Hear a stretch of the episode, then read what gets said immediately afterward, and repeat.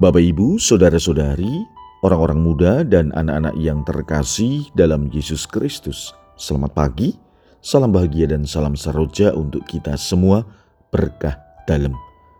Bersama dengan saya, Romo Antonius Garbito Pambuaji menyampaikan salam dan berkat Allah yang Maha Kuasa dalam nama Bapa dan Putra dan Roh Kudus. Amin. Hari ini Selasa 11 April dalam Oktav Paskah. Bacaan pertama dalam liturgi hari ini diambil dari kisah para rasul bab 2 ayat 36 sampai dengan 41. Bacaan Injil diambil dari Injil Yohanes bab 20 ayat 11 sampai dengan 18.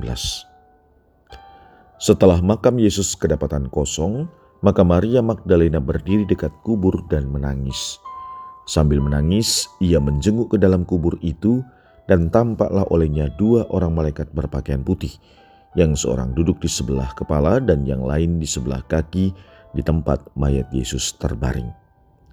Kata malaikat-malaikat itu kepadanya, Ibu, mengapa engkau menangis? Jawab Maria kepada mereka, Tuhanku telah diambil orang dan aku tidak tahu di mana ia diletakkan. Sesudah berkata demikian, ia menoleh ke belakang dan melihat Yesus berdiri di situ. Tetapi ia tidak tahu bahwa itu adalah Yesus. Kata Yesus kepadanya, Ibu, mengapa engkau menangis? Siapa yang engkau cari? Maria menyangka orang itu adalah penunggu taman.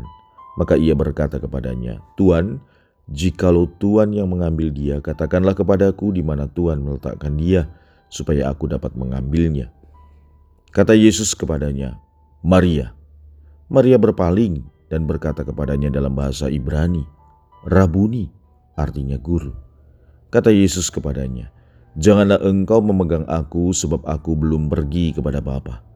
Tetapi pergilah kepada saudara-saudaraku dan katakanlah kepada mereka bahwa sekarang aku akan pergi kepada Bapakku dan Bapamu, kepada Allahku dan Allahmu. Maria Magdalena pergi dan berkata kepada murid-murid, Aku telah melihat Tuhan, dan juga bahwa Tuhanlah yang mengatakan hal-hal itu kepadanya. Demikianlah sabda Tuhan. Terpujilah Kristus.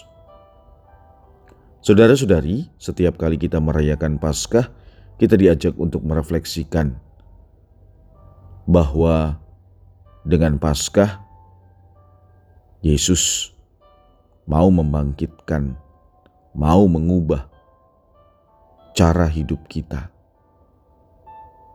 Dengan Paskah, Yesus ingin agar cara hidup kita yang lama, yang tidak baik, kita tinggalkan. Dan Paskah membawa pembaruan hidup. Yesus yang bangkit hendaknya membawa kesegaran baru. Hidup lama kita diterangi dengan sinar kebangkitan yang membawa sukacita. Dalam Injil dikisahkan bagaimana Yesus yang bangkit menjumpai Maria Magdalena. Perjumpaan dengan sang guru tidak serta-merta disadari oleh Magdalena. Ia masih terbawa atau dalam kondisi manusia lama. Ia tidak mengenali sang guru yang telah bangkit, yang sudah membawa hidup baru. Manusia lama Magdalena masih menutupi manusia barunya. Ia belum mampu melihat hari baru. Pengalaman perjumpaan dengan Yesus tidak disimpannya sendiri. Setelah Yesus menyapa dengan sapaan yang khas yang membuat dia sadar, pada akhirnya perjumpaan dengan Yesus menjadikan Magdalena manusia baru. Manusia yang mampu melihat harapan cerah keselamatan masa depan. Saudara-saudari yang terkasih, bagi kita kisah ini tidak hanya sekedar kisah pengalaman Magdalena. Kisah ini merupakan juga kisah pengalaman hidup kita. Maka pertanyaannya apakah perjumpaan kita dengan Tuhan Yesus senantiasa membawa sukacita? Apakah sukacita itu sudah kita bagikan kepada orang-orang yang ada di sekitar kita seperti halnya Maria Magdalena? Pengalaman sukacita merayakan Paskah diharapkan juga senantiasa memperteguh iman kita. Marilah kita berdoa. Ya Tuhan, kami bersyukur atas rahmat keselamatan yang Engkau anugerahkan kepada kami.